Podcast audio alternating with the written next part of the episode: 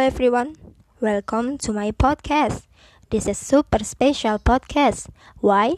Because it contains a message for anyone who hears it. This is a podcast for the whole world. And I am really excited to make this podcast because I will make a lot of people happy and smiling. Because I'm sure you must be filled up with all the sadness. Okay? And now I'm not alone. I brought a friend who is certainly fun, and I will introduce him to you all. Bob, come on. Oh, hi. You're so cute. Thanks, Bob. Not you, Tiara. I mean your podcast listeners, so don't flatter yourself. Uh, sorry, Bob. Hmm. Okay. Hello, everybody. My name is Bobby. You can call me Bob. Why am I here?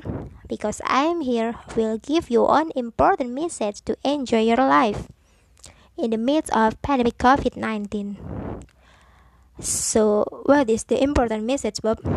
Okay, because this is very, very important.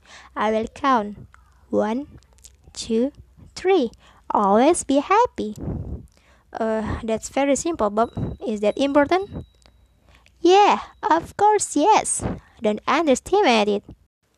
No, no, no, I don't underestimate. I mean, in the midst of this pandemic, there are lots of losses, failures, sadness, and I'm sure if you hear it, you will be sad. And why should we be happy? Uh, my dear friends, you have to change your mind.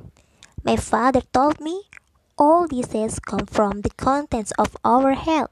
So do not be sad because your life is already sad.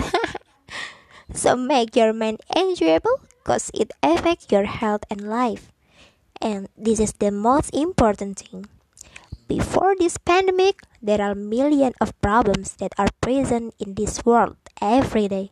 So, yeah, what's the difference? Stay confident that all will be over and everything will be alright.